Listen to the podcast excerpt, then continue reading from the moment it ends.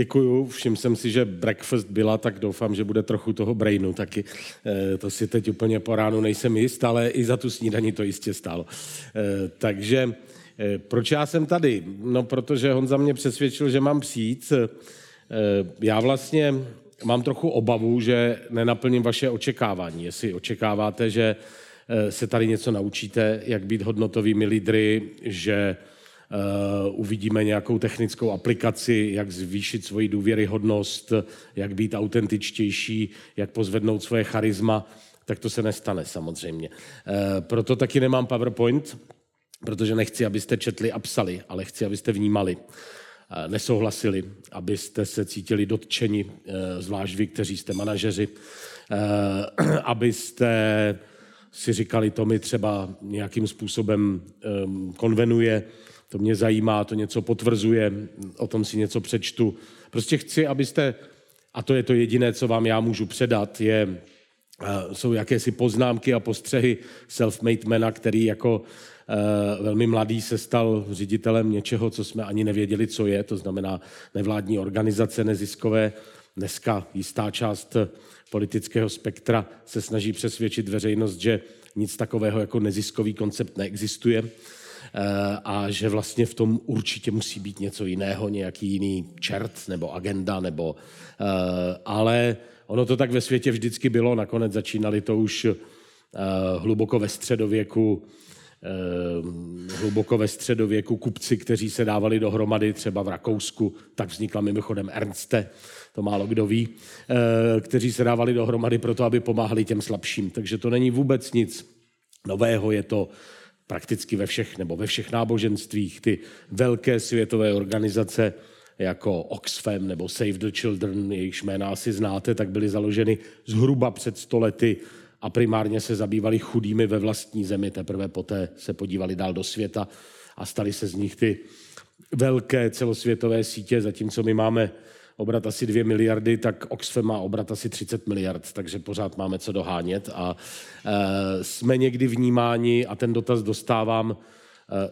vy jste nezisková organizace a vy máte 2 miliardy, to je nějak moc? A já říkám, a moc proč?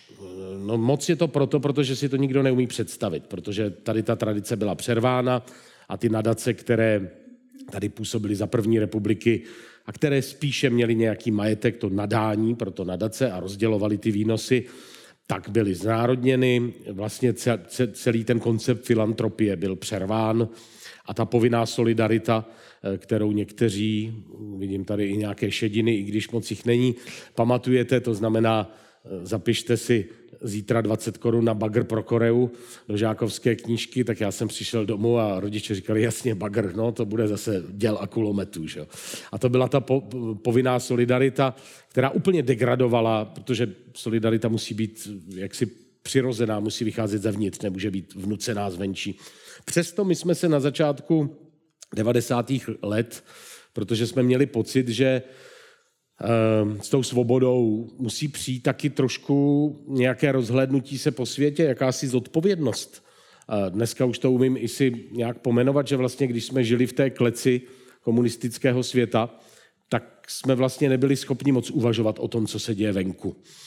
Chtěli jsme se tam podívat, ehm, něco jsme tušili, chybělo nám, že nemůžeme jet do světa, ale že bychom se cítili nějak sepět, spjati s tím, co se děje mimo hranice Československa nebo řekněme toho komunistického prostoru, to jsme se necítili, snad kromě jedné výjimky, a to bylo zemětřesení v Arménii v prosinci roku 88, kdy jsme spontánně jako skupina studentů, protože jsme v Arménii byli e, roka půl předtím, a taky protože tehdejší lídr Gorbačov se choval poprvé lidsky, letěl se tam podívat, bylo vidět, že ho ty životy děsí, na rozdíl od těch eh, předešlých třeba od Stalina a Brežněva, kde lidské životy nehrály roli. A protože si Sovětský svaz taky poprvé řekl o pomoc venčí. Ten, ten součást jak, jak si toho mýtu bylo, že vlastně nic nepotřebujeme, od nikoho nic nepotřebujeme. Eh, a on udělal normální gesto a řekl, my potřebujeme pomoct. A to bylo něco, co hrozně změnilo najednou tu situaci, takže my jsme se neostýchali jako tři studenti jet do české televize a tam vyhlásit sbírku na pomoc Arménii, aniž bychom se kohokoliv na cokoliv ptali. Prostě udělali jsme to, co dělá občanská společnost normálně, sebere se a něco dělá. Rozdíl byl v tom, že to bylo v roce 88. Ale ta zkušenost v nás zůstala. A tak jsme najednou měli pocit začátkem 90. let, že s tou svobodou musí přijít taky nějaká odpovědnost, eh, nebo spolu zodpovědnost za to, co se děje ve světě. Že sice samozřejmě potřebujeme pomoc, potřebujeme technologickou pomoc, potřebujeme pomoc v IT, v jazycích, v biznisu, v propojení se světem, to bylo to, co Československo nebo Česko potřebovalo, ale že je přece strašně moc jiných míst, které na tom jsou špatně. A jistě si pamatujete, eh, v tom prvním desetiletí po konci komunismu se vlastně v mnoha těch postkomunistických zemích objevila řada konfliktů. Ostatně Československo se rozpadlo také. A eh, to nebyla chyba svobody. To bylo dědictví toho, té nesvobody předtím.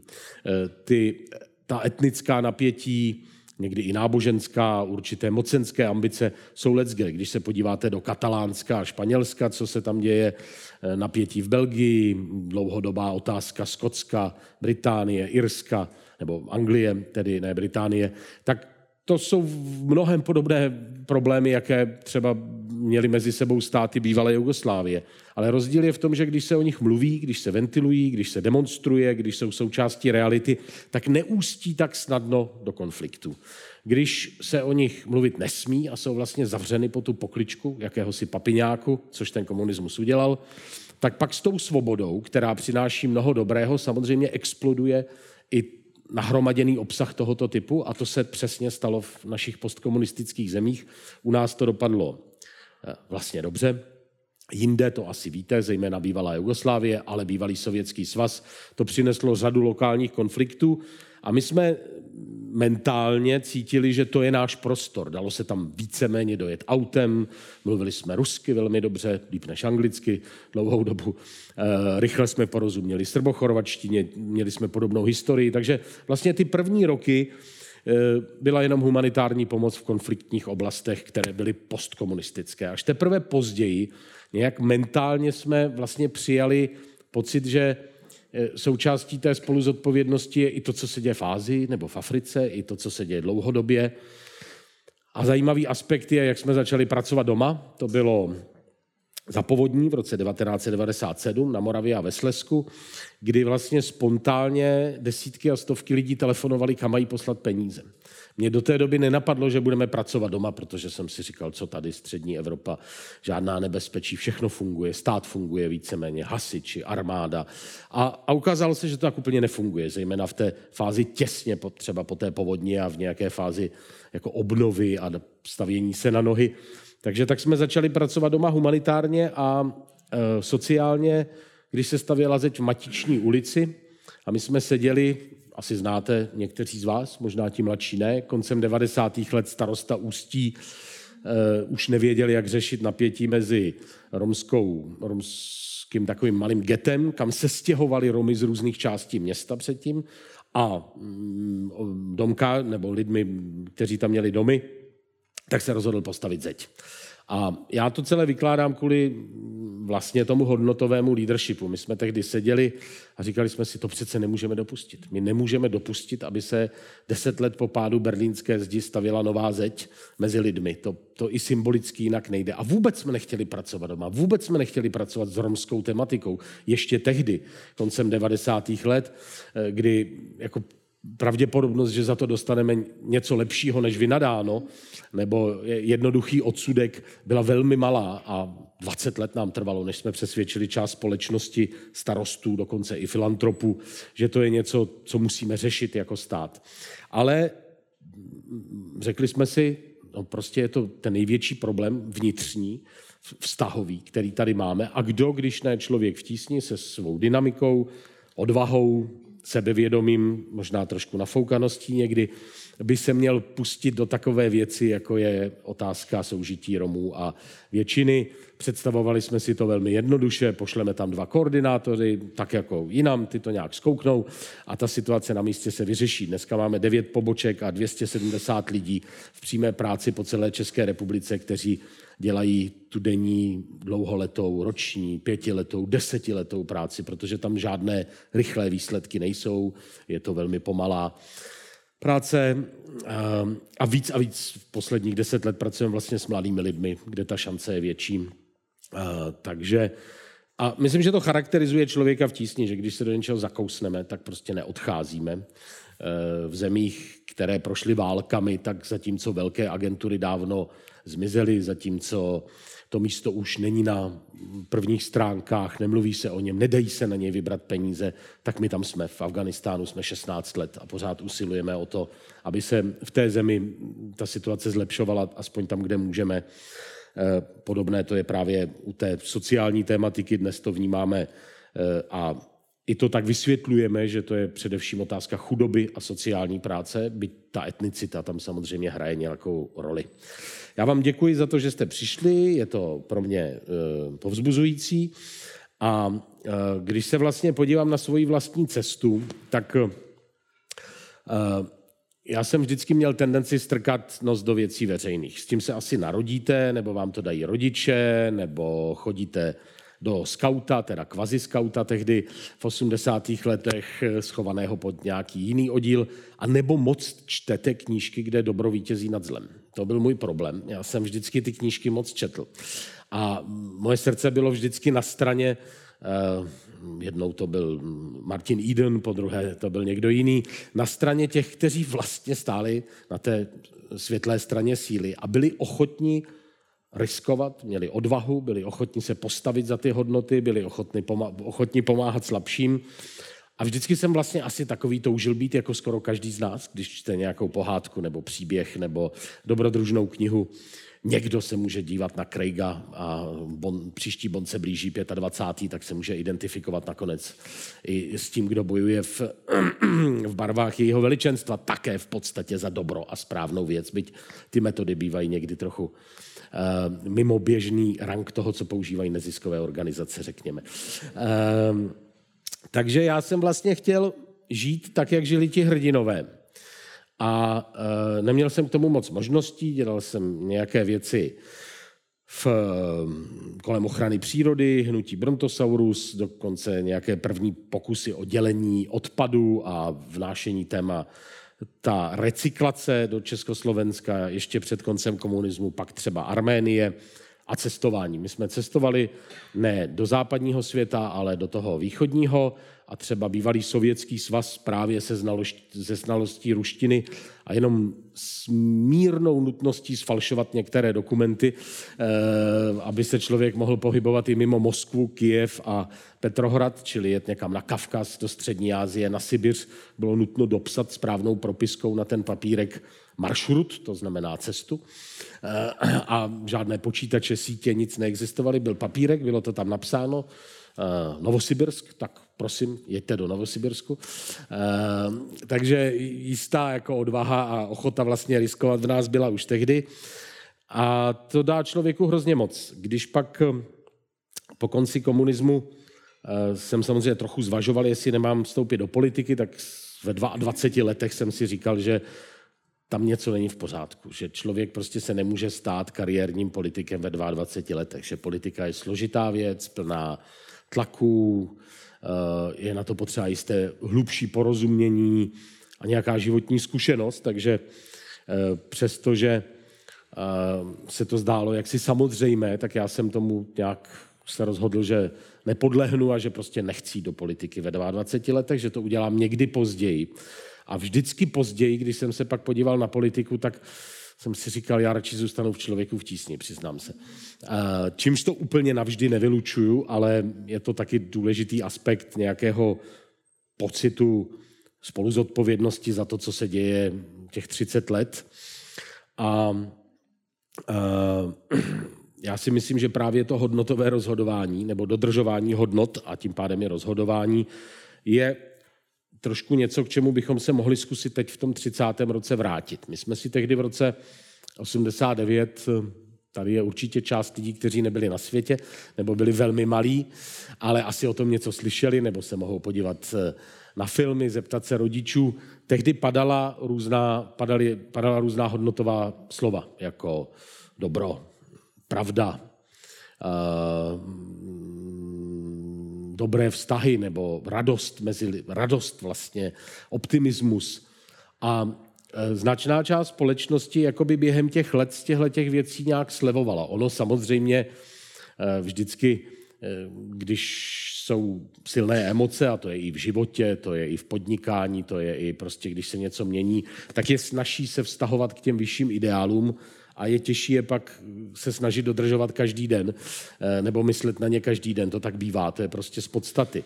Přesto si myslím, že jsme tenkrát získali obrovskou šanci vlastně rozhodovat o sobě a budovat tuhle zemi nějak společně.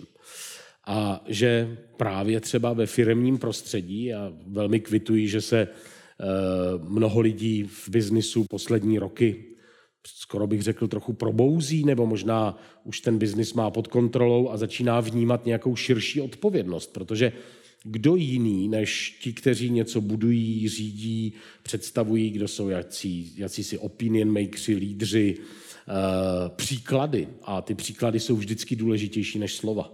Samozřejmě, kdo jiný je zodpovědný za tuhle zemi. Nejen ti politici, ty samozřejmě, ale od politiku vlastně nelze čekat nic moc. Neznám politika, který by vystoupil a třeba řekl, eh, no za ty problémy, které tady jsou, za předluženost domácností, za eh, velký otazník s, eh, se starobními důchody, za problémy v infrastruktuře, za to můžeme my, politici. Tak to politici většinou nedělají, že? protože špatně řídíme tuhle zemi, protože se víc hádáme místo, abychom mysleli dopředu, protože používáme spíš negativní mobilizaci místo pozitivní vize. Nakonec i za tu náladu. Když si představíme, že celá řada těch vrcholných politiků vlastně do společnosti eh, svým způsobem pumpuje buď negativní, anebo při nejmenším rozporuplné energie, informace, vzkazy. Málo kdo přijde s tím, chceme být za pět let, za deset let, za patnáct let tamhle, tohle je naše pozitivní vize, tohle je hodnota, na které chceme pracovat. Když se podíváte na ty komunikace, na vymezování se, na mobilizaci voličstva, a my někdy máme pocit, my, kteří žijeme v nějakých svých bublinách, já třeba v bublině člověka v tísni, vy máte taky své bubliny, tak můžeme mít pocit, že třeba to, co říká prezident, není vlastně tak důležité jako pro to, co se v té zemi děje, ale to je velká, velký omyl. Toho prezidenta volí polovina voličů a víc než polovina lidí mu věří a tím pádem také pravděpodobně věří tomu nebo vnímají to, co on říká.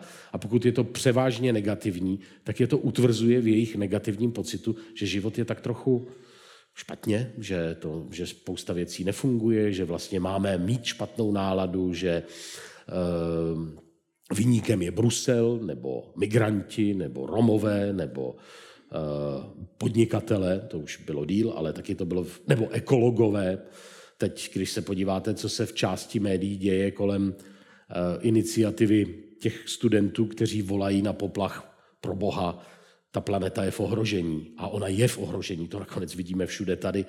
A odpovědí části prostě těch vlastně, já bych řekl, velmi cynických lidí, který moc, moc nepřemýšlí do, do budoucna, je denunciaci eh, té Gréty a celého toho hnutí, místo nějaká úvaha o tom, jestli opravdu náhodou oni nevidí dál než my, jestli ta planeta opravdu není v ohrožení.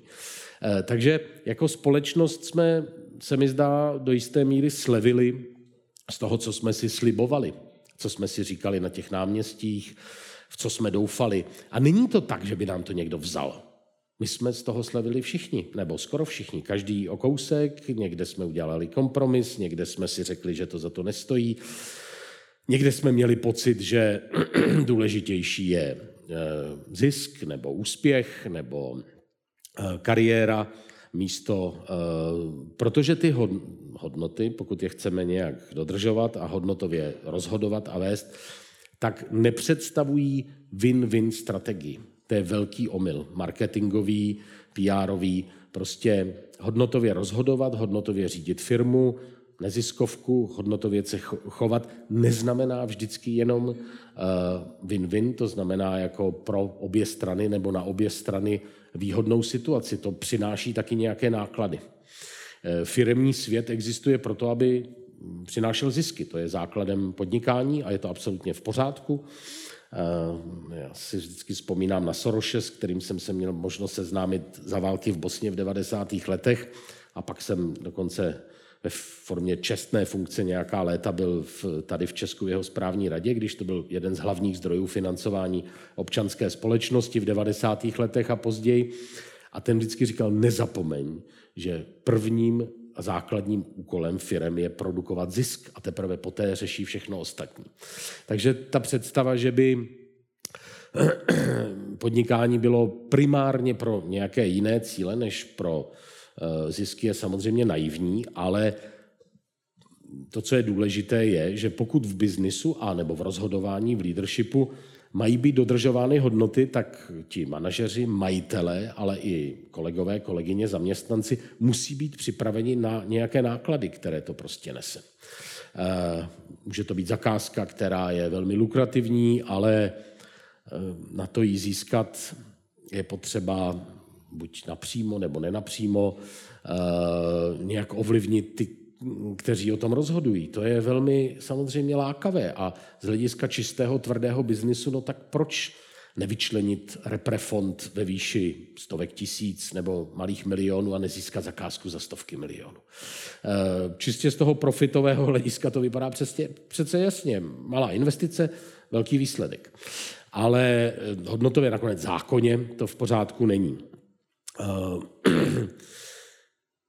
hodně když se podíváte na biznis, tak vlastně ta hodnotová stránka věci, zejména na firmy, které eh, něco produkují, co kupují zákazníci, koncoví, tak to téma, ten leitmotiv eh, corporate social responsibility, hodnot, eh, citlivého vztahu k životnímu prostředí, obnovitelných zdrojů, šetření energií, ale i vztahu uvnitř firmy je čím dál tím silnější.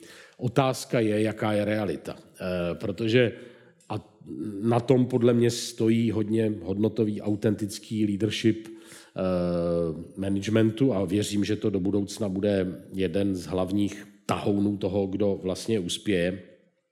Jestli vlastně my jako šéfové, šéfky, organizátoři, manažeři hrajeme sami se sebou a s těmi ostatními tak trochu hru na to, co je pravda a co není. To znamená, jestliže si píšeme do těch eh, propagačních materiálů na sociální sítě a na webovky, jak je náš zákazník, náš pán. Eh, všechno děláme vlastně v souladu s nějakými eh, hodnotami a standardy třeba vztahu k životnímu prostředí, také situace na pracovišti, corporate social responsibility aspektu. Ale pak ta realita vevnitř ve firmě je vlastně jiná a ta začíná podle mě jazykem. Eh, už jenom tím, když navenek mluvíme v krásných větách, nebo dělají to často manažeři v biznisu, a po návratu do kanceláře si řeknou, no, to, to, to, to zase je teda hrůza s těmito partnery, nebo ty naši zákazníci a tak dále. Už jenom ta niance v tom jazyce je něco, čím vy, my jako lídři vlastně ukazujeme svým kolegyním, kolegům, zaměstnancům, jak to myslíme. A jestliže chcete, chceme mít jejich důvěru, tak ta tak ta integrita určitá musí začínat už jenom v tom, že neříkáme navrh huj a ve spod fuj, prostě, že neříkáme něco jiného směrem ven, něco jiného směrem dovnitř. Já vím, a nejsem naivní, čas od času v tom pracovním prostředí je potřeba ty věci zlehčit, použít trošičku možná i nějaký vtip, jistá míra, nechci říct cynismu, ale odstupu od té práce je nutná, ta nakonec je nutná i v mé práci, v práci lékařů, Eh, zatímco když prostě mluví s eh, blízkými toho pacienta, tak asi nemůže sekat technické výrazy jeden za druhým a je tam potřeba jistá empatie a čas. Na druhé straně, když pak prostě vrazí do operačního sálu, tak nejde o emoce, jde o výkon a o přesnost a o techniku, takže ano, jistá nuance tam je, ale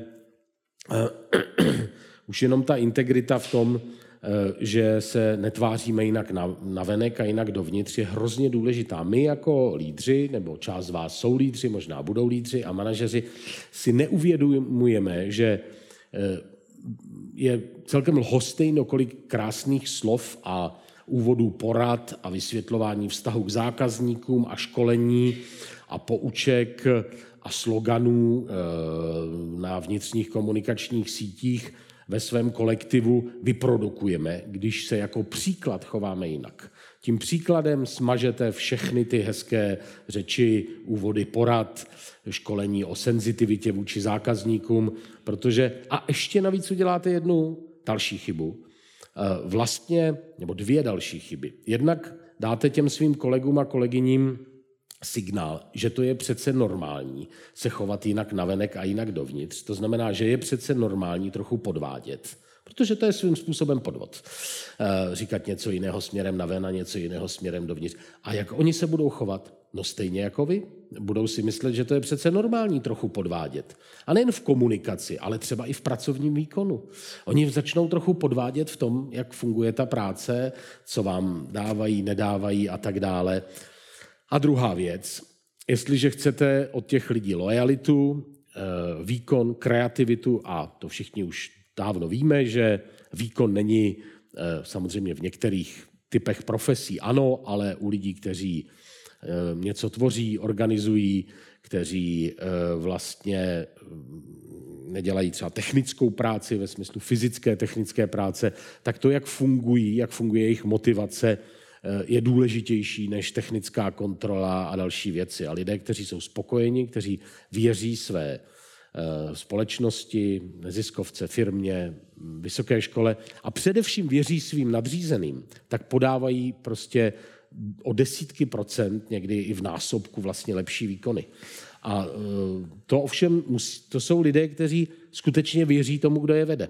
A když ten, kdo je vede, říká něco jiného na venek a něco jiného dovnitř, když vysílá ty rozporuplné signály, když vlastně eh, naznačuje, že to je tak normální a když, a tam je samozřejmě jistý rozpor, protože jako šéf nebo šéfka nemůžete úplně všechno otevřeně sdílet se všemi, to je někdy složité, ale když a, a je to kulturně podmíněno. Je pravda, že když přijde člověk do kolektivu, třeba v americké neziskovce větší, nebo asi i v biznisu, tak je běžné, že ten šéf vlastně říká skvělý den, skvělá práce, všichni jste skvělí, pak odejde a řekne, no tohle a tohle a tohle se pokazilo. Eh, a, a vlastně jakoby ta nota toho, jedeme, zvládáme to, všechno jede, tak je tam kulturně nějak eh, běžnější. Myslím, že tady u nás aspoň mně se to potvrzuje eh, a kope mi to vždycky zpátky, jakmile eh, eh, kolegové, kolegyně podřízení nebo ty týmy získají pocit, že vlastně jako vůči ním nejsem dost otevření nebo nejsme dost otevření, tak vlastně jim to začne dost vadit. Že jakási faleš v tom, když lidé ve vedení vlastně eh, lakují ty věci nějak na růžovo, když nevím, u zakázky, která je spíš oportunní a spíš jde o zisk, než o nějaké hodnoty, se snaží to zabalit jenom do těch hodnot.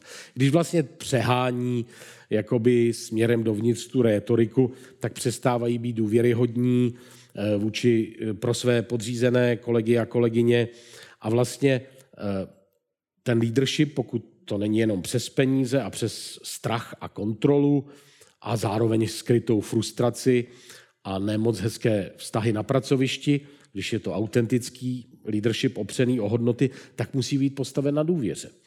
A samozřejmě, co rozežírá důvěru, eh, pocit, že vám ten člověk neříká pravdu. Že jakoby říká ty věci jinak, než jsou, že se snaží přesvědčit nejen naven, už i to je svým způsobem matoucí, ale že se snaží to lakovat na růžovo nebo jinak i směrem dovnitř, že vlastně s vámi není otevřený. A nedůvěra mm, je prostě začátek rozpadu vztahu eh, a začátek vlastně i vzniku jakýchsi, já bych řekl vlastně nezdravých a nehezkých vztahů v nějakých pracovních týmech a kolektivech. Ne, nadarmo se říká, že ryba smrdí od hlavy a když prostě smrdí ten manažer nebo to vedení a když vlastně jako to nefunguje, jak by mělo, no tak co se stane? Ty týmy nebudou lepší ty budou stejné nebo podobné nebo v něčem i horší než to vedení a řeknou si, tak když on nebo ona se chová takhle, je jí to asi jedno, prostě je úplně běžné vlastně uh, si vypomáhat um, věcmi, které třeba jsem si nemyslel nebo nemyslela, že se budou dít v takové firmě, tak samozřejmě se to, um, se to nějakým způsobem šíří dál. Ta firmní kultura to, o čem se teď mluví. Já jí osobně věřím víc než manuálům, handbookům, Excelovým tabulkám, které si můžete přečíst, podepsat, nastudovat, Eh, můžete projít e-learningem, můžete i dokonce projít zkouškou, jestli jste si načetli všechny hodnoty, eh, které firma má, ale to, jak se pak reálně chováte, neovlivňuje to, že si jednou za týden před spaním kouknete, že na stránce 16 je napsáno nelhat, ale že taková je prostě kultura v té organizaci, že se nelže navzájem, že se prostě nepodvádí, že se věci sdílí a tak dále. Takže ehm, pokud chcete Eh, aby vaše týmy fungovaly hodnotově, aby k vám lidé měli důvěru, aby to bylo autentické. Eh, a ono, když je jako boom, tak to není tak důležité. A my jsme teď v době boomu, eh, pracovní trh je vyluxovaný, ekonomika roste, platy se zvyšují, Všichni máme dost zakázek, dost práce. U nás to bohužel taky znamená, že svět je v příšerném stavu, jako třeba Blízký východ a podobně, čili máme dost práce, protože bohužel ve světě to vypadá hůř, než jsme si mysleli třeba před 10-20 lety. Já osobně jsem doufal, že v 21. století už takové situace, jako je Sýrie, prostě nenastanou, že se světoví státníci budou schopni domluvit, že prostě se nemá dít zabíjení stovek tisíc civilistů kvůli nějakým geopolitickým a dalším prostě zájmům. Bohužel se to neděje, ale zpět k tomu, že když je boom, když to všechno frčí, eh, tak vlastně jako není problém velký, protože je dost peněz na přidávání, eh, je dobrá perspektiva a tak dále. Ve chvíli, kdy začne to drhnout, už nejsou peníze na přidávání, nejsou bonusy, je třeba potřeba víc zabrat, začnou se brát horší zakázky, horší typy práce, není tam takový optimismus do budoucna, tak v té chvíli se vám to projeví. Jestli vám ti lidé věří, jestli věří vašim hodnotám, jestli věří vám, pokud ne, tak začnou odcházet, nebo začnou mít pocit takzvaně potápějící se lodi, to znamená, že to stejně nebude k ničemu, tak proč já bych se honil?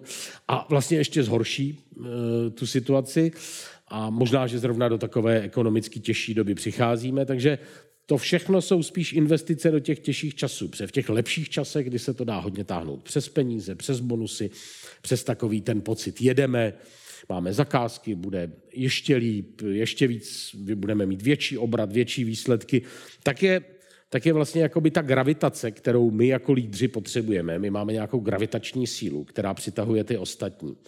Ta samozřejmě funguje podle velikosti kolektivu.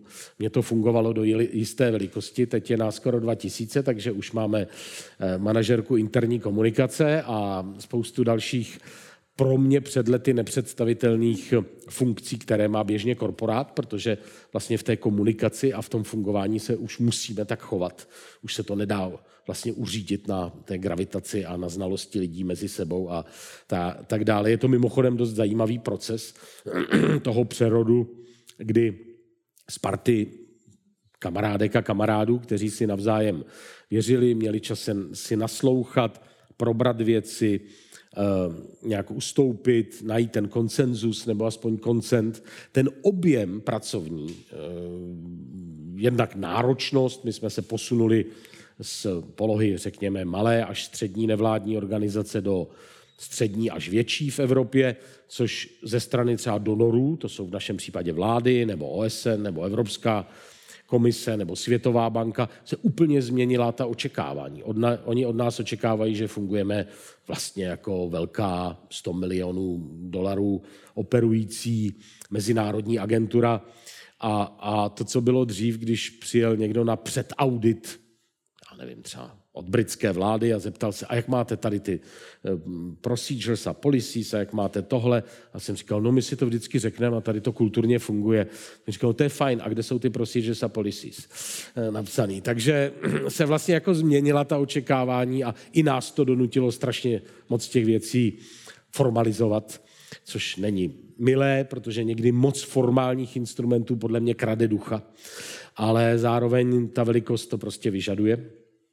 Takže eh, pokud, pokud je to jako v době boomu a dobré ekonomické situace, dobrého výhledu, tak to ani tolik nemusíte pocítit. Eh, ale pocítíte to, pokud tam není ta důvěra, pokud lidé mají pocit, že hodnotově eh, se jako mají nejistotu ve vás vlastně, že je rozdíl mezi tím, co se říká a co se dělá, že je rozdíl, výrazný rozdíl mezi tím, co se říká navenek, co se říká vevnitř, že vlastně s nimi vy nebo ti manažeři a lídři nezdílí to, proč dělají ty věci a jenom informují o tom, jak bylo rozhodnuto, to znamená, že tam není ta důvěra v ten rozhodovací proces. To je samozřejmě, nebo rozhodovací proces, důvěra sdílet ten rozhodovací proces, to je samozřejmě zase trošku, trošku triky, protože existuje určitá, určité množství informací, které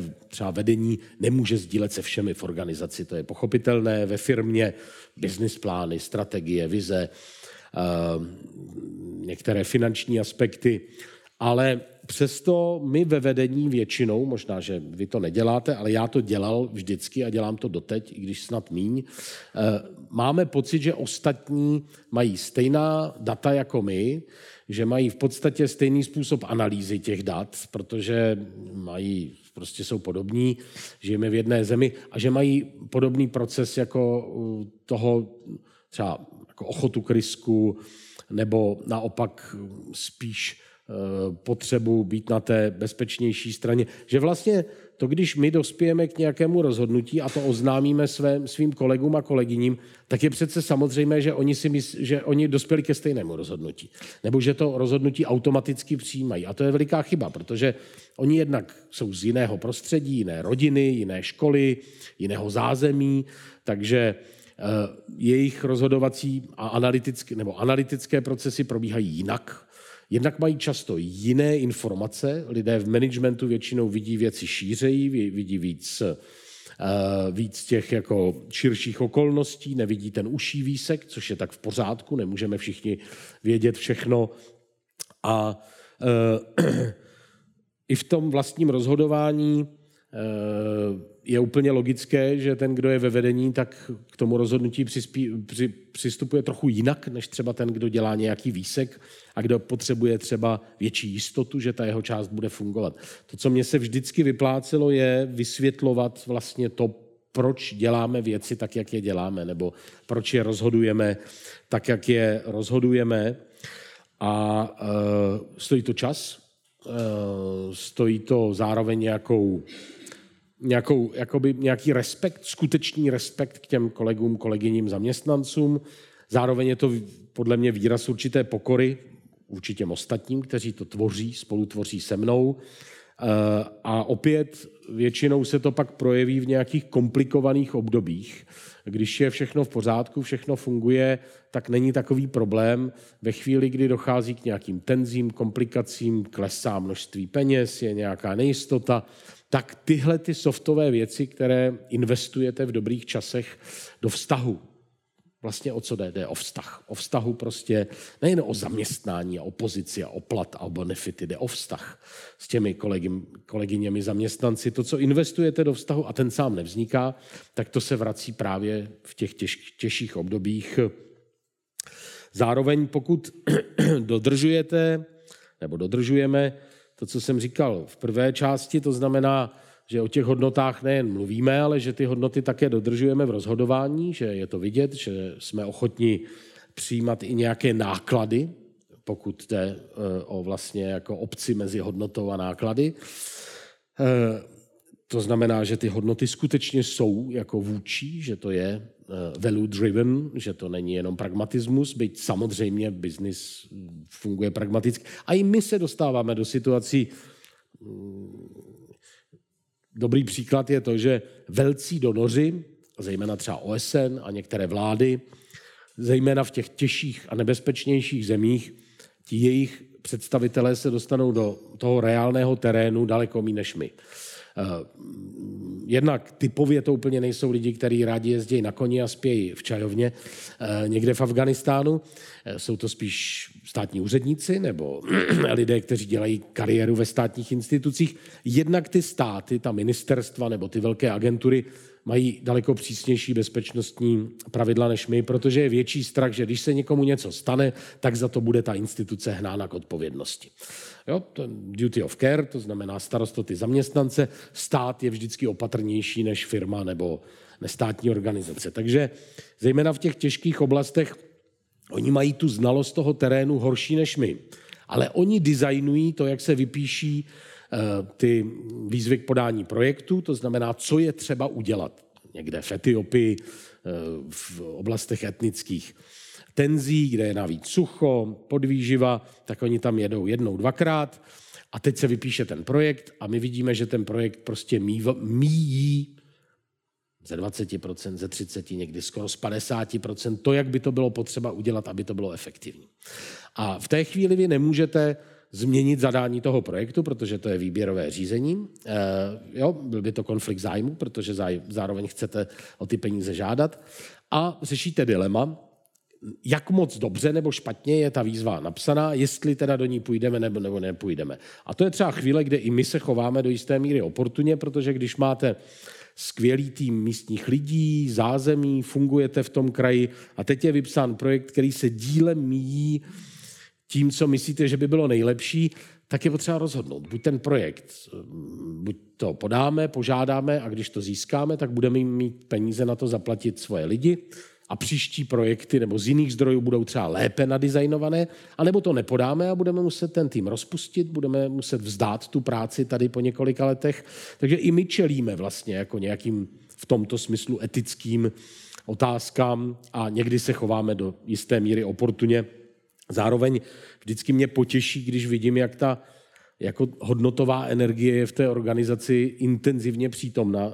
Uvedu příklad před poměrně delší dobou, a je to asi 8-10 let, tehdy začalo naše eh, působení v dluhové problematice, kdy jedna nadace velkého, velké, velké obchodní skupiny přišla s tím, že by nám dala, my jsme tehdy začínali se systémem doučování dětí v rodinách, ten mimochodem funguje a pokud by vás to zajímalo, nebo kohokoliv jiného, je to teda jenom tam, kde máme pobočky, tak je možno se podívat na naše stránky. Je to velký závazek mít nějakého kluka nebo holčičku v sociálně slabé rodině z různých důvodů, buď ta rodina je dysfunkční, nebo eh, a vlastně aspoň rok se mu nebo jí věnovat, aby lépe dopadl ve škole, protože ti rodiče buď nejsou schopni, nebo ta rodina nefunguje, nebo jsou v takové letargii, že mají pocit, že to stejně k ničemu není. A pro ty děti to je obrovská šance do života. My jsme tehdy s tím začínali a neměli jsme na to finanční prostředky, ono se to nevejde úplně do žádného šuplíku, do učování doma v rodinách, není to ani sociální práce, ani vzdělávací program, teď už se to trochu posunulo v posledních letech. A tady byla šance získat poměrně velkou částku.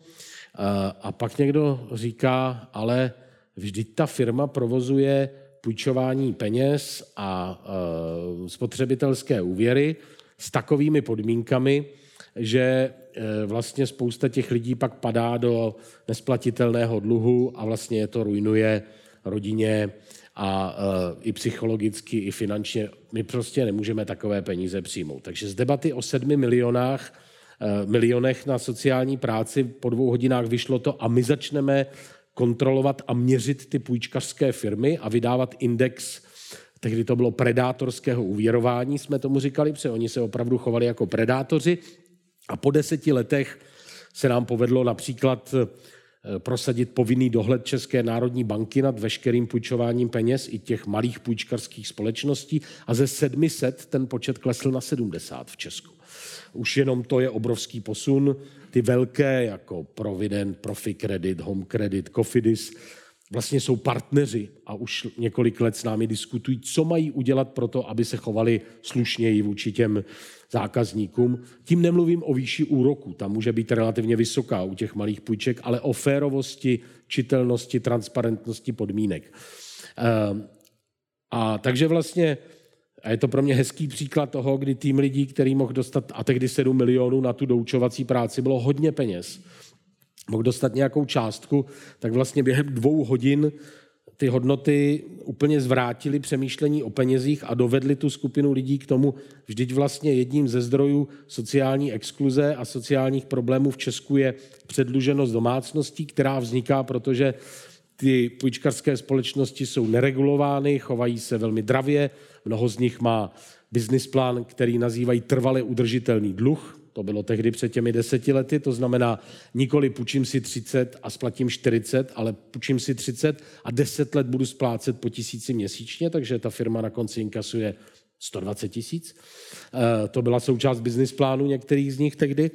A mě to hrozně potěšilo a vlastně občas se k tomu vracím, když jsme v situaci, kdy volíme, jestli přijmeme třeba nějaké korporátní peníze, nebo když jsme třeba v tlaku některých politiků, kteří začnou vykřikovat neziskovky, pen, jejich peníze, politické neziskovky. Politickými neziskovkami myslí část eh, těch politiků, představují spíš extrém, byť třeba mluvčí prezidenta se k tomu taky přidává, eh, tak tím myslí neziskové organizace, které mají nějaký názor, které nechtějí být jenom eh, vlastně tím service providerem, nechtějí dělat jenom sociální práci, doučovat, ale snaží se taky ovlivňovat ty veřejné agendy. A na rozdíl od biznisu, který většinou ty agendy ovlivňuje tak, aby nastavení zákonů, zdanění nebo dotací bylo výhodné pro tu biznisovou skupinu, třeba tabákový průmysl nebo eh, zemědělství nebo automobilový průmysl nebo pivovarnictví, tak tam ten lobbying jde vysloveně tím směrem, aby jejich zisky mohly být vyšší.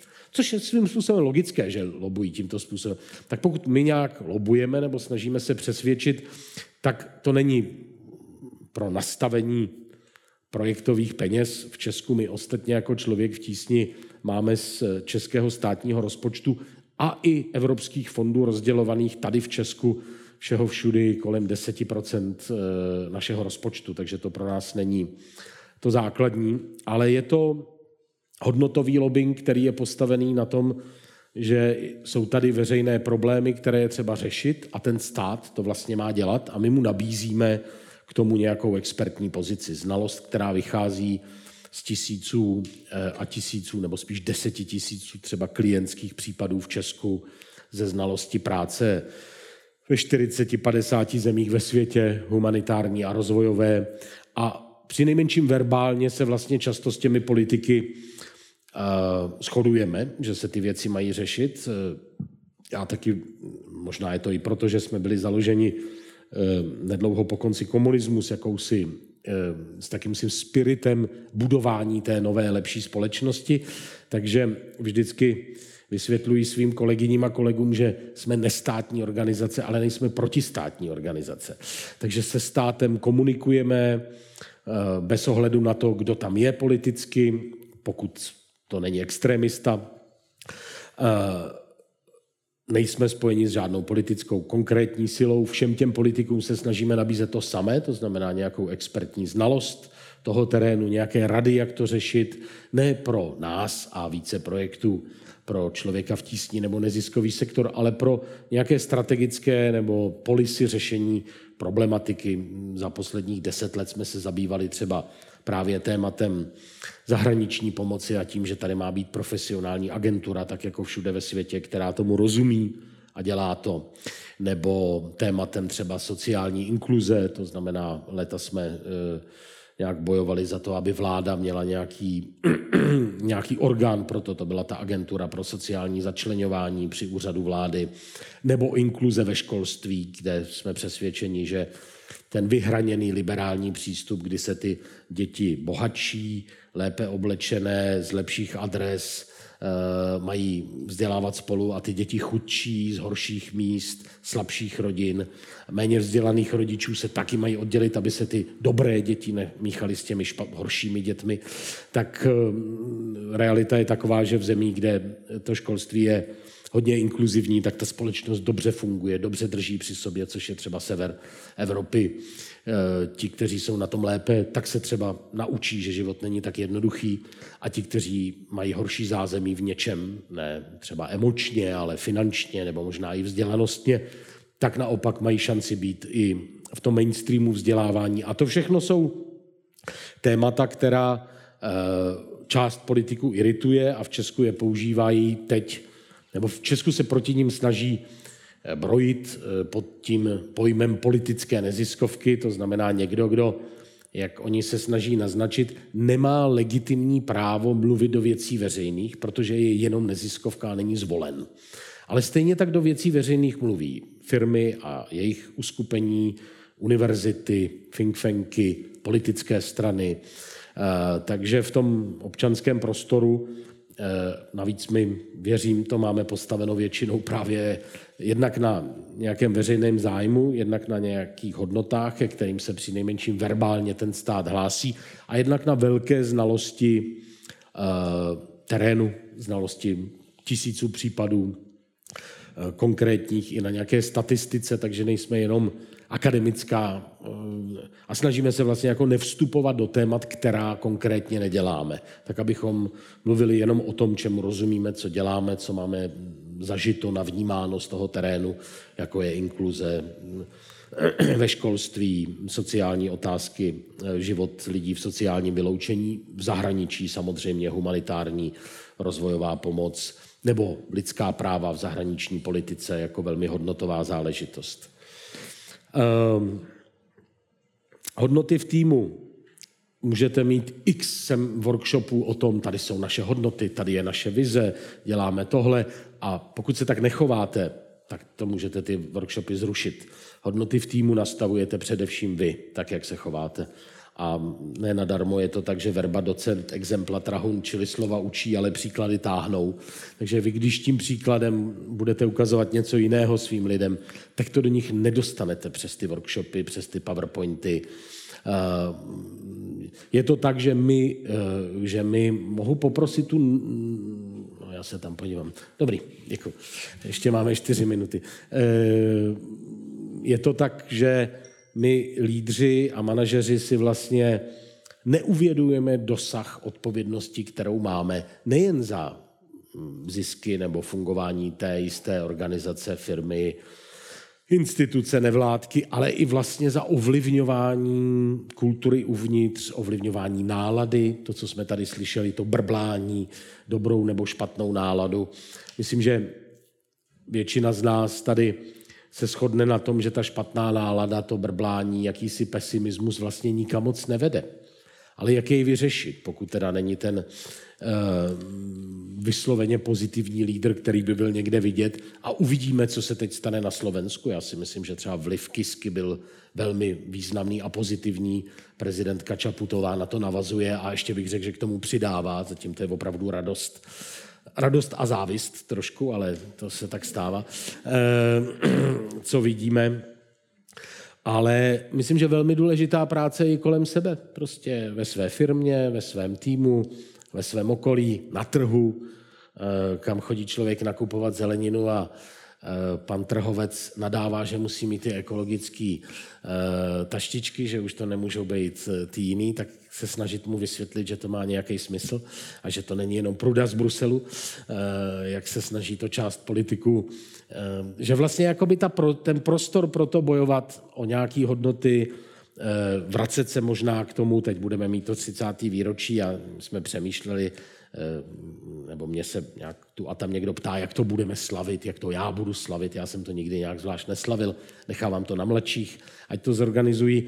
Ale pro mě vlastně to bude asi uh, jakoby čas, kdy se pokusím komunikovat to, tak se pojďme vrátit k těm slibům, který jsme si říkali. Pojďme se vrátit k těm slovům, k těm hodnotám, k té radosti, optimismu, pomáhání si, pozitivnímu myšlení, pozitivnímu vnímání. Teď to nám jako do značné míry chybí. My žijeme ten život trošku jako takový provoz a tím, že nám chybí nějaký vzdálenější horizont, tak mám pocit, že někdy ztrácíme jako pocit většího smyslu, kromě toho, že fajn, rodina, děti, dovolená práce, tady brain and breakfast a další věci, ale ne nadarmo eh, ty národy, které eh, mají subjektivní pocit, že žijou nějak dobře a že vědí, mm, kam směřují a proč žijou, tak jsou národy s poměrně velkýma, malý národy, často s poměrně velkýma vizema do budoucna, třeba ty severský, kde ty subjektivní hodnocení pocitu obyvatel a ty země se chovají velmi hodnotově, jak směrem dovnitř, tak směrem ven do světa.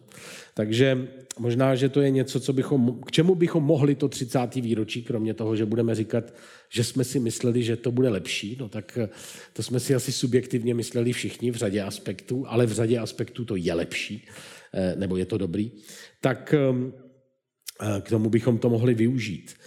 A týmově, já už jsem to říkal, pak ještě možná pár věcí. První linie, pokud ten uh, uh, manažer, lídr má mít důvěru ostatních, tak i ve velkém kolektivu by se měl snažit čas od času stát v té první linii. To znamená jít z kůží na trh, jít prostě do složitých debat s politikama, jet někam, kde se řeší velký problém, být tam, nebýt jenom zavřený v té svý kukani toho CEO. Eh, mně osobně vlastně to hrozně chybí, ten terén, takže jako přirozeně mě to táhne do těch konkrétních věcí, ale je to hrozně důležitý prostor pro chybu. Ve velkém kolektivu je spousta lidí, kteří přicházejí s vlastníma nápadama, který třeba nemusí souznít s tím, jak byste to udělali vy nebo já. A je dobrý jim dávat prostor samozřejmě. Zároveň to čas od času generuje nějakou chybu, tak jako generuje chybu každý naše konání, nic není bezchybný. A pak není moc šťastný tu chybu otloukat těm lidem o hlavu, ale je lepší prostě jít a pomoct to vyřešit eh, a použít to do budoucna jako mm, něco, z čeho se dá poučit a eh, co vlastně možná je důležitý jakoby posilovat ducha přijímání vlastní odpovědnosti. Já s tím teď dost taky bojuju, nebo bojuju, snažím se na tom pracovat, protože v malém kolektivu je to jasný, že ty lidi mají konkrétní odpovědnosti, znají se, vidějí si do talíře, to přijímání vlastní odpovědnosti. S růstem instituce je to samozřejmě těžší.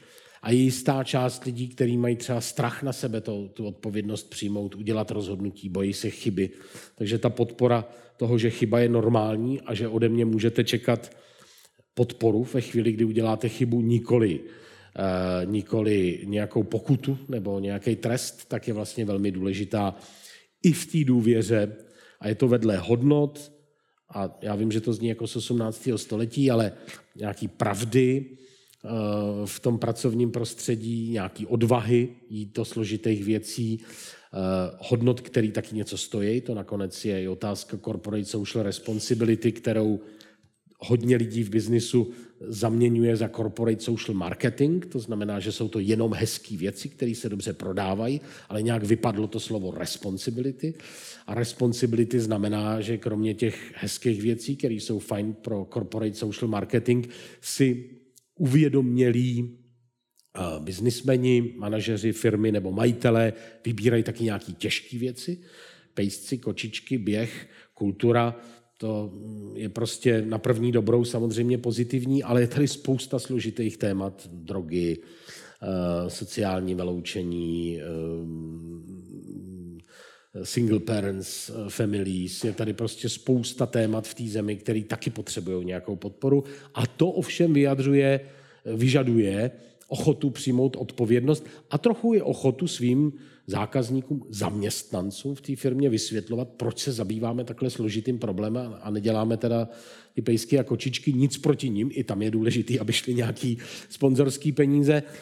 A trochu se to mění. Musím říct, že za posledních pět, sedm let se objevuje víc a víc lidí v korporátu, anebo lidí, co prodali to, co vybudovali a mají najednou čas, který jsou ochotní vlastně jít do takovýchhle složitých témat, drogy, HIV, sociální vyloučení, ehm, integrace ve společnosti a podobně, eh, předlužení společnosti a další věci, což je hezký, jako hezká eh, zpráva o tom, že i z toho korporátu vlastně roste a sílí počet lidí, který to cítí jako svůj zodpovědnost v té zemi. Jednak ty složitý problémy a možná i celkový nastavení v zemi, jako třeba nadační fort nezávislý žurnalistiky, který vlastně financují lidi z korporátu a který pak dál financuje nezávislou investigativní a další novinařinu, tak potřebnou pro každou zemi samozřejmě. Takže v tomto smyslu jsem optimistický, skoro bych řekl, že ty hodnoty se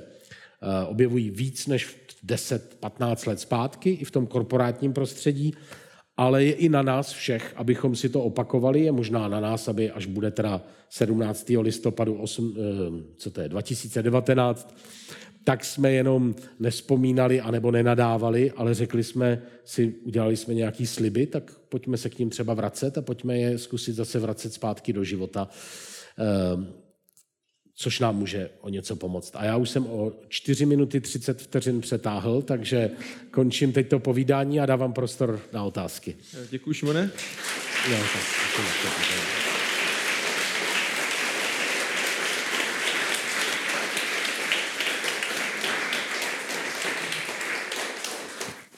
Tak já jenom připomínám, že eh, dotazy můžete psát na slajdu. Eh, podle mě už se na ně nedostane, protože jich přišlo tolik, že, že eh, to tak bývá. Když byste se chtěli zeptat vy, tak prosím zvedněte ruku a kolega, kolega dá mikrofon, já vás já, já potom, potom řeknu.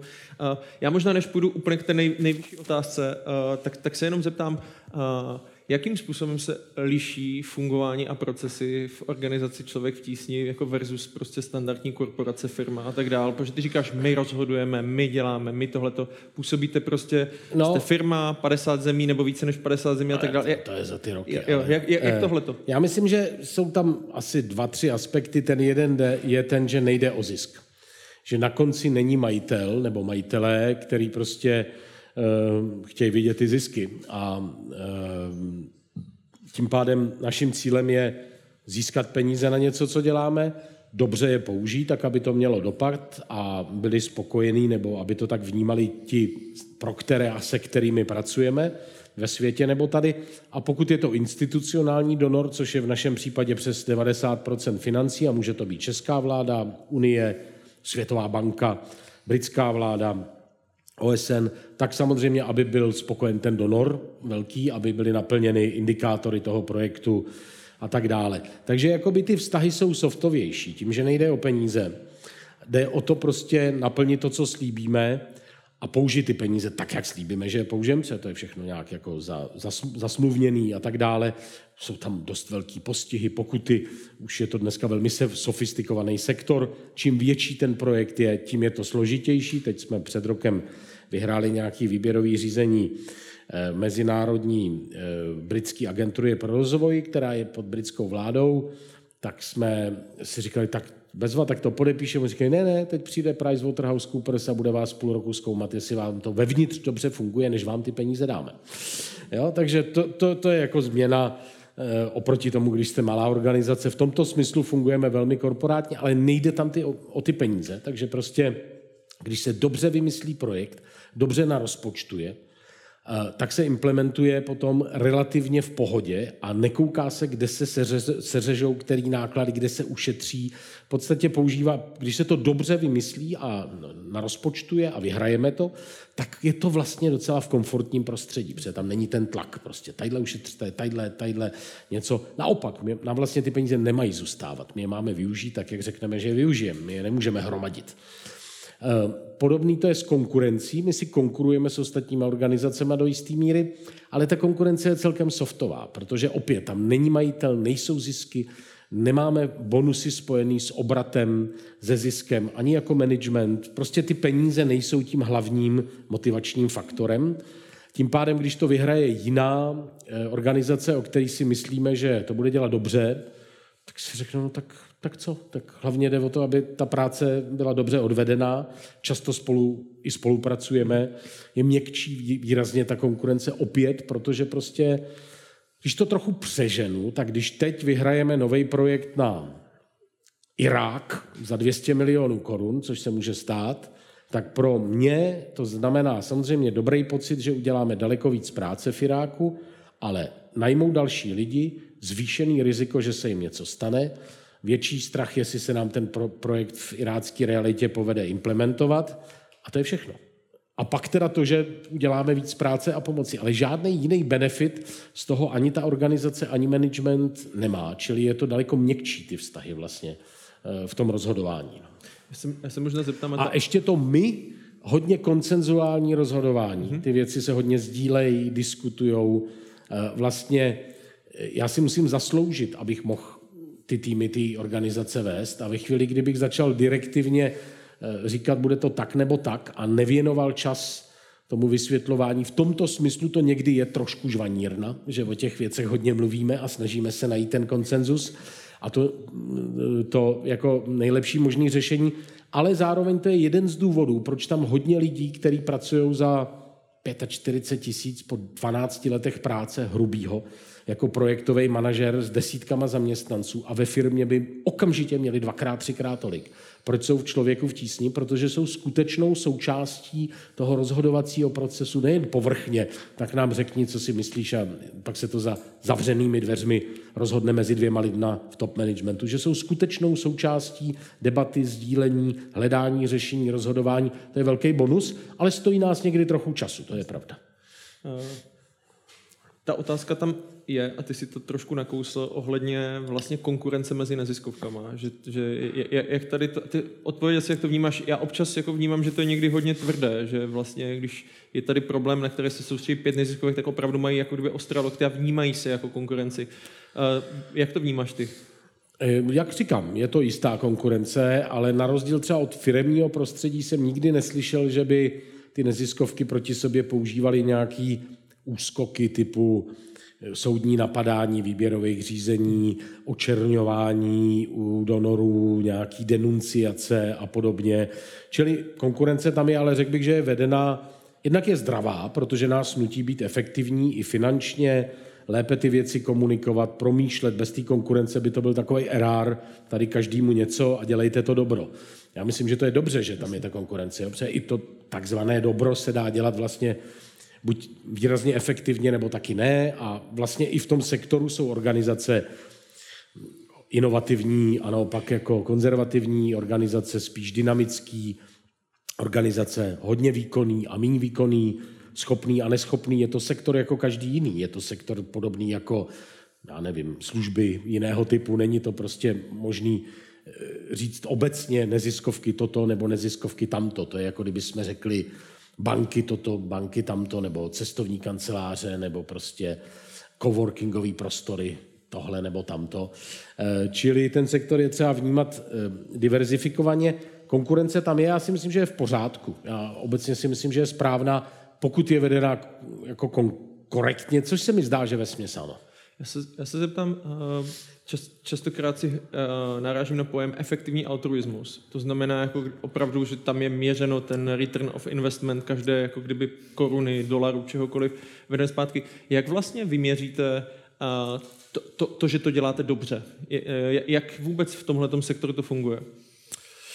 Um, jednak vlastně u těch měřitelných věcí, což je většina překvapivě i v tom našem sektoru, tak se za posledních 10-15 let hodně prosadil systém indikátorů. To znamená, že ty indikátory jsou stanoveny před zahájením toho projektu, projektu nebo mm programu. My často navazujeme víc projektů na sebe mm a vlastně už dávno to nevnímáme tou donorskou jakoby realitou. To znamená, že třeba česká vláda vypíše podporu zaměstnanosti v Etiopii, my tam máme desetiletý program podpory zaměstnanosti a zlepšování zemědělství a do toho se snažíme získat ty projekty. Takže jako vlastně my si řídíme to, jak ty programy designujeme spíš, než že bychom jenom plnili jednotlivé projekty donora. Což mm, to je trochu složité možná, ale je to velký, jako kvalit, velká kvalitativní změna z malé do velké nevládky, kdy ta malá nevládka často žije opravdu projekt od projektu, když to my máme tu energii a i nějaké volné zdroje, máme 30 tisíc pravidelných dárců, můžete se stát um, dalšími. Um, Klub Přátel člověka v tísni například, najdete to na našich stránkách, kteří nám umožňují jistou flexibilitu a to, že vlastně designujeme dost často sami to, jak v té zemi chceme pracovat, máme nějaký plán mnohaletý, kde jsou i ty indikátory a do toho zasazujeme ty projekty. Ale v zásadě to je plnění indikátorů. Mm-hmm. Ten efektivní altruismus, víte, ten algoritmus co je dobrý výsledek a co je špatný, stejně musí někdo nastřelit. Jo? A pak se to dá měřit. Ale to prvotní rozhodnutí, uh, jestli prostě půl dolaru, pokud vede k tomu, že uh, nebo 100 dolarů vede k tomu, že se někde něco posune tak nebo tak, tak to musí někdo vlastně rozhodnout, co z toho je efektivní a co není. Takže v tom já u toho efektivního altruismu mám určitou rezervovanost, protože tam stejně je nějaká úvaha, nějaký lidský faktor, který vlastně tu formuli stanovuje. U těch indikátorů je to svým způsobem jednodušší. Jestliže je indikátor, že a nevím, eh, zlepšení přístupu k základnímu školství v okrese Alaba v Etiopii, na několik let si to stanovíme, máme do toho veřejné peníze, se sbírky Postavme školu v Africe, to možná někdo znáte, nějaké státní peníze a tak dále. A řekneme si, že do pěti let chceme, aby do školy chodilo 60% dětí v tom okrese, je tam nějaká baseline tady na začátku toho projektu, chodí 30%, tak jestliže po pěti letech bude chodit 60 a věnovali jsme do toho 30 milionů korun, tak jsme naplnili ty indikátory, je to asi pár tisíc na dítě, protože vystavět tu školu teď. Ovšem ty školy zůstanou, ty děti se tam mění. Takže jako ta kvantifikace a kvantifikované měření je výraznou novinkou posledních 10-15 let a řekl bych, že až na drobné výjimky se dá použít skoro na všechno. Někdy je to na úrovni dopadů, to je právě, nebo spíš výstupu, to je to školství, kdo chodí do školy. Někdy to je spíš jenom na, na úrovni aktivit nebo výsledků, ku příkladu humanitární pomoc v Sýrii, kde tím, že rozdáváte potraviny každý měsíc, tak nedocílíte dlouhodobého dopadu. Docílíte toho, že ty lidi nemají hlad a neutíkají, nejsou nemocní a podobně, ale stavět na tom nějaký dlouhodobý dopad a změnu vlastně není možný, protože se jenom řeší ta aktuální humanitární nouze, která zejména v těch dlouhodobých konfliktech může trvat celé roky, bohužel. Uh, mám tady otázku. Uh Kdy jsi narazil, že jsi musel opravdu uhnout z těch hodnot, o kterých jsi, o kterých jsi mluvil, kdy, kdy jsi musel ustoupit vyšší moci, ať už jakékoliv, a co tě to stálo?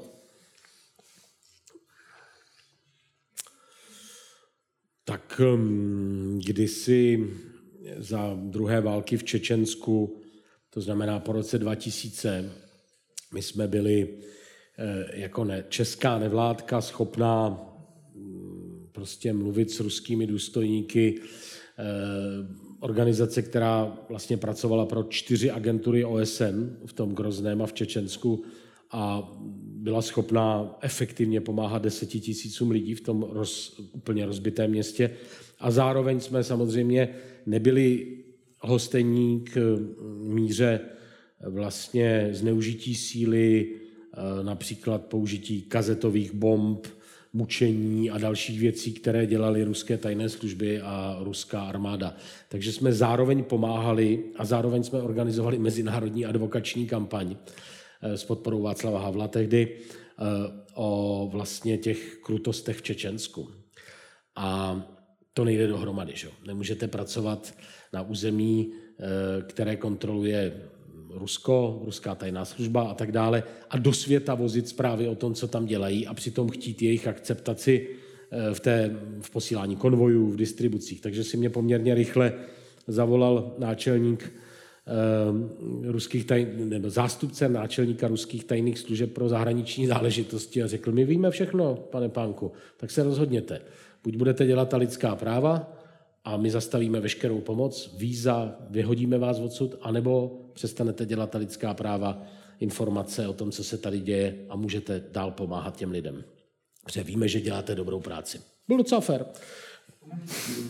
Čaj, čajček, bombony, všechno bylo. Eh, a my jsme se tehdy poradili s ruskými organizacemi lidskoprávními, a oni říkali, my ty informace taky máme. Mají Human Rights Watch, mají Amnesty International, mají Memorial, to je taková silná ruská organizace. My tu linku lidskoprávní potáhneme dál, ale přímo v Grozným dneska není nikdo schopen pracovat než vy. Tak prostě hold, dejte stranou ty informace a další věci a dělejte tu fyzickou pomoc, protože lidi na místě ji potřebují nejvíc. Ale pro mě to bylo velmi dilematický, protože jsem musel prostě vlastně přijmout diktát, jako silových struktur a vlastně vzdát se do jisté míry ty pravdy, protože těm lidem sice pomáháte fyzicky, ale samozřejmě ještě všichni mluví rusky, že jo, teď jste v kontaktu s Česká, oni pro ně Česká republika, to je pro hodně lidí na světě je pořád Česká republika jako ta země, která se zastává lidských práv, pravdy, hodnot. Hodně lidí v těchto zemích vlastně zná jméno Václava Havla, to je zajímavý, a zná tu pohádku o té sametové revoluci, jak jsme porazili prostě snadno ten komunismus. Samozřejmě ty okolnosti byly úplně jiný, než je situace ve Venezuele třeba dneska. Ehm, takže ty lidi vyprávějí ty příběhy a říkají, my taky chceme, aby tohle se dostalo do Evropy, do Bruselu, do Berlína, to, že tady prostě, co se tu děje. A my jsme jim museli říct, no ale my už to nemůžeme dělat. Prostě. Takže ty situace jsou samozřejmě a je to součást prostě reality, že člověk občas musí přijmout nějaký rozhodnutí, s kterým není úplně spokojený. Které tři knížky v životě tě nejvíc inspirovaly, motivovaly? Maria. um, no tak já nevím, asi začneme tím Martinem Jídnem, ne? Eh, Londnem, když jsem s ním začínal, tak eh, knihy tohoto typu, kde vlastně jako skutečně jde o tu pohádku, kdy dobro soutěží se zlem a je potřeba se rozhodnout, na které straně eh, kdo bude, tak jako typově mm, prostě knihy tohoto typu, pak vždycky se mi zdály inspirativní knihy Ericha Froma, což je taková vlastně filozofie svým způsobem, který nějak se dívají na život a to hlavní ten hlavní message pro mě vždycky byl, že důležitý je být a nikoli mít. Mm-hmm. Tak se jedna ta jeho knížka taky jmenuje, to znamená, že důležitý je žít, eh, fungovat, prožívat, vnímat, nikoli hromadit nějaký krámy, auta, vysavače, eh, televize eh, a další věci.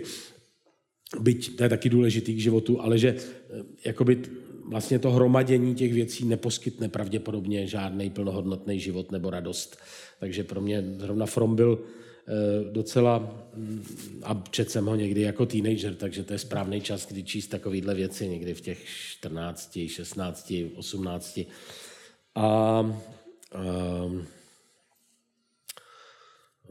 nevím, to poslední, eh, když mluvíme o těch ovlivněních, tak eh, určitě Dalajlámovy knížky, některé ty postavený spíš pro lajky, to znamená knížky volající po hlubším pochopení Což pro mě je třeba těžký. Já si, si vzpomínám na jedno Dalajlámovo učení, kde on vykládal na eh, to, o tom, jaký to bylo na začátku okupace Tibetu Čínou, kdy ve východním Tibetu už hořely kláštery a on seděl ve Lhase v centrálním Tibetu a vlastně snažil se necítit eh, nenávist a zášť vůči těm, kdo okupovali ten Tibet a říkal, že si je vizualizoval a přemýšlel o tom, proč to dělají a pochopil, že to dělají, protože jsou nevědomí a dokázal se přes ten pocit nenávisti přenést, což pro mě je trochu vlastně až nepochopitelný, že mám hoří půl vlastní země a vy se dokážete přenést přes ten pocit nenávisti. Takže jeho učení a úvahy směřující tímto směrem, že člověk by byl, měl být schopen se sebou pracovat tak, aby se oprostil od třeba nenávisti, negace, naštvání, hněvu. A ono to hodně pomáhá i v té práci. My máme taky konflikty s různýma částma politického spektra, s někým, Eh, občas i s jinýma neziskovkama a jít do toho eh, s pocitem eh, negativním toho hněvu a naštvání je vždycky méně efektivní, než jít do toho vlastně v pohodě a brát to spíš otevřeně a hledat ty důvody, proč se lidi tak chovají, nikoli a, a zkoušet, tomu, zkoušet tomu vlastně rozumět, nikoli se nechat tou emocí nějak zahlušit, myslím tím tou negativní emocí. Kde bereš nové impulzy pro tvoji práci a jak bojuješ proti vyhoření? Znáš to vůbec?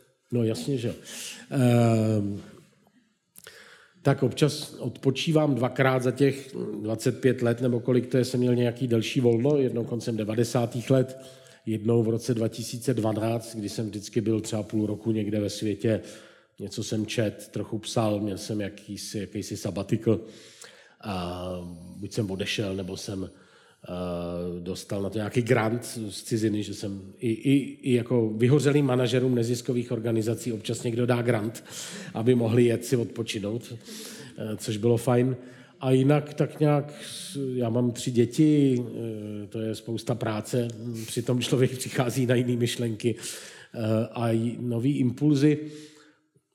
Mě asi nejvíc pořád motivují ty lidi, pro který pracujeme a se kterými pracujeme v těch zemích, takže je pro mě důležitý pořád eh, mít možnost, buď když přijede někdo z nich sem, nebo když já jedu do terénu, vlastně s těma lidma nějak eh, mluvit, vidět to, šáhnout si na to. Teď na začátku září jedu na Ukrajinu na pět dní, včetně nějakých projektů, který máme eh, na východě kolem té linie rozhraničení a nějakých vlastně projektů občanské společnosti, kde podporujeme takový centra proti korupci na úrovni středně velkých měst po Ukrajině, takže strávím x dní vlastně s těma lidma a povídáním. A to je pro mě vždycky jako velký motor, když se pak vrátím.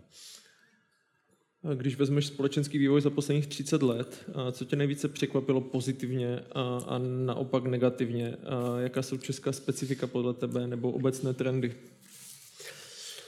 Já myslím, že česká specifika úplně obecná moc nejsou, že spíše možno vy, vy, vysledovat podobný vývoj nebo podobné trendy a reakce v těch postkomunistických státech střední Evropy. Když se podíváte dokonce do východní části Německa, do toho bývalého východního Německa, tak tam najdete spoustu reakcí lidí a společnosti podobnější nám, než té západní části Německa. A to není náhodou. To prostě, to není náhodou. To je prostě tím, čím jsme si prošli.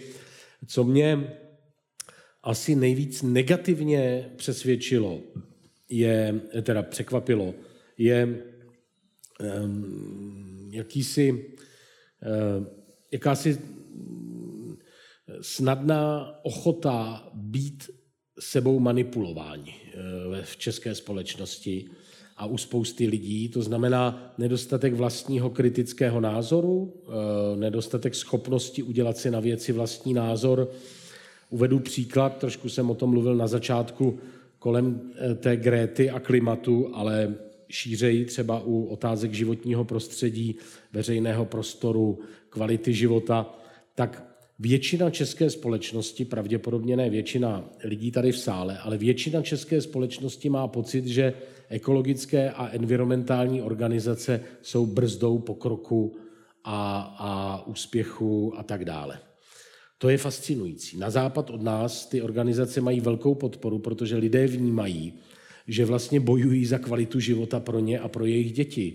Ať už je to voda, vzduch, doprava ve městě eh, a další věci. Za důležitou součást, možná důležitější, než jaké auto si kdo koupí eh, v kvalitě života. Tady u nás se povedlo části politiků a zejména Václavu Klauzovi přesvědčit a věřím, že to je většina společnosti, že vlastně ekologické a environmentální organizace jsou trochu teroristé, trochu šílenci, trošku smraďoši a hlavně, že jsou to prostě nepřátelé nějakého našeho pokroku s velkým P. A, a to je obdobně u migrace, kdy se několika politikům povedlo vy, vy, vlastně vy, vzbudit obrovský strach ve společnosti a skoro nikdo se proti tomu nepostavil. Já, ten strach, tomu se rozhodně nelze, nelze to nějak zlehčovat, on je reálný, taky vychází z neznalosti, nekontaktu s těmi imigranty, ale země, která má jeden z nejmenších počtů uprchlíků a žadatelů o azyl, tak vykazuje jeden z největších strachů a vlastně jako uh, hostility nebo uh, netolerance až útočnosti vůči jakékoliv imigraci, což je trochu fascinující. Jo. Že tady nemáme je, ale bojíme se jich a nenávidíme je. A opět to byla politická manipulace použitá především pro eh, mobilizaci voličů, pro mobilizaci skupin voličů určitých politiků, kteří to použili jako volební kartu. Ve slušném státě by prezident, když začínala migrační krize, zavolal politiky hlavních stran a řekl, je to těžká situace, integrace je těžká, byť v Německu, kam přišlo 1,2 milionu lidí, tak to je skutečně těžká situace. Tady těch asi 730 není těžká situace reálně. Že? A řekl by jim, prosím vás, nepoužívejme migraci jako kartu do politické hry a do mobilizace, do předvolebních kampaní. Ještě to zhoršíme. Nic takového se tady nestalo, protože tady není prezident, který by dbal na takové hodnoty.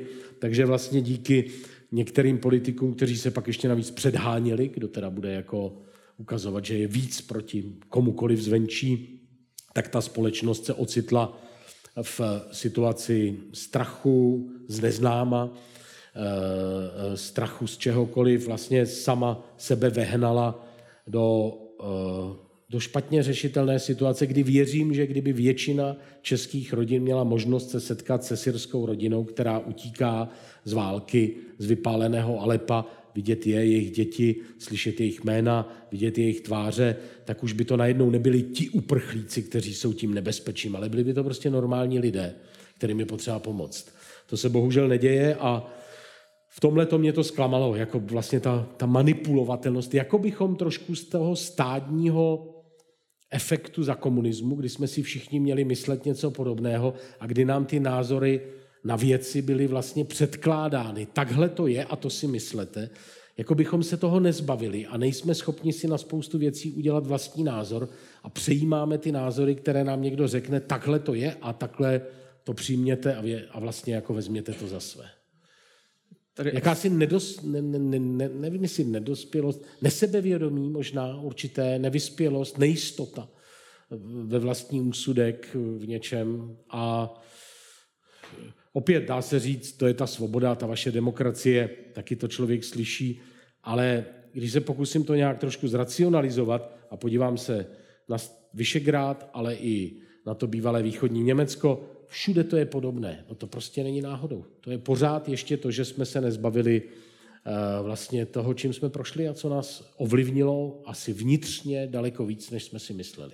Myslím tím těch 40 let komunismu. Přemýšlím, jestli tě mám ptát na prezidentskou kandidaturu. Ne. Nemám. Okay. Tak to jsme měli dát, to jsme měli dát pryč. A něco pozitivního, aby jsme to zakončili. Máme poslední otázku. Co tě pozitivně překvapilo za posledních 30 let? Určitě mě pozitivně překvapuje rostoucí ochot, nebo vždycky přítomná ochota pomáhat. Například sbírka SOS Sarajevo v roce 93, to bude kolik, 26 let, tehdy se vybralo 2 miliony dolarů za tři týdny. Kdyby to člověk přeložil do dnešních částech, tak je to obrovský balík peněz na pomoc Sarajevu někde na Balkáně. A podobná solidarita za povodní, ale za tsunami, nakonec i třeba sbírky na pomoc na Ukrajině nebo v Sýrii a to jsou složité konflikty válečné, takže jako vlastně mm, je to něco jiného než třeba zemětřesení. Sbírky na pomoc tady u nás. Spousta lidí podporuje eh, vlastně i naši sbírku Lepší škola, kde vybíráme na vzdělávání a práci ve vzdělávacím sektoru v Česku, kde jsou různé vlastně nedostatky a potřeby. Eh, rostoucí počet filantropů z, eh, z té skupiny lidí, majitelů, spolumajitelů nebo top manažerů, kteří opravdu nechtějí tu líbivou, to líbivé marketingové PR, ale říkají jasně, já jsem tady v té zemi, ta země má spoustu problémů, já chci nějaký těžký problém spolu řešit, to znamená, chci na to dávat peníze. To je hrozně pozitivní trend. A i rostoucí počet lidí, kteří jsou přes neochotu nás v Česku být něčeho členem, jsou, eh, jsou jako víc a víc vlastně ochotní se stát pravidelnými dárci. To je pro nás třeba důležité. Ten průměrný dar je 10 euro 9, 10 euro za měsíc, čili nějakých 240-250 korun, není to moc, ale když těch lidí je 30 tisíc a můžete s tím nějak počítat, tak pro nás je to třeba důležité to dlouhodobé dárcovství. Takže obecně ochota lidí pomáhat mě překvapila kdysi a překvapuje mě, že trvá a roste a moc za ní děkuju. A Šimone, já ti děkuji, že jsi přišel sdílet myšlenky. Šimon Pánek, moc díky. Děkuju. Děkuju vám.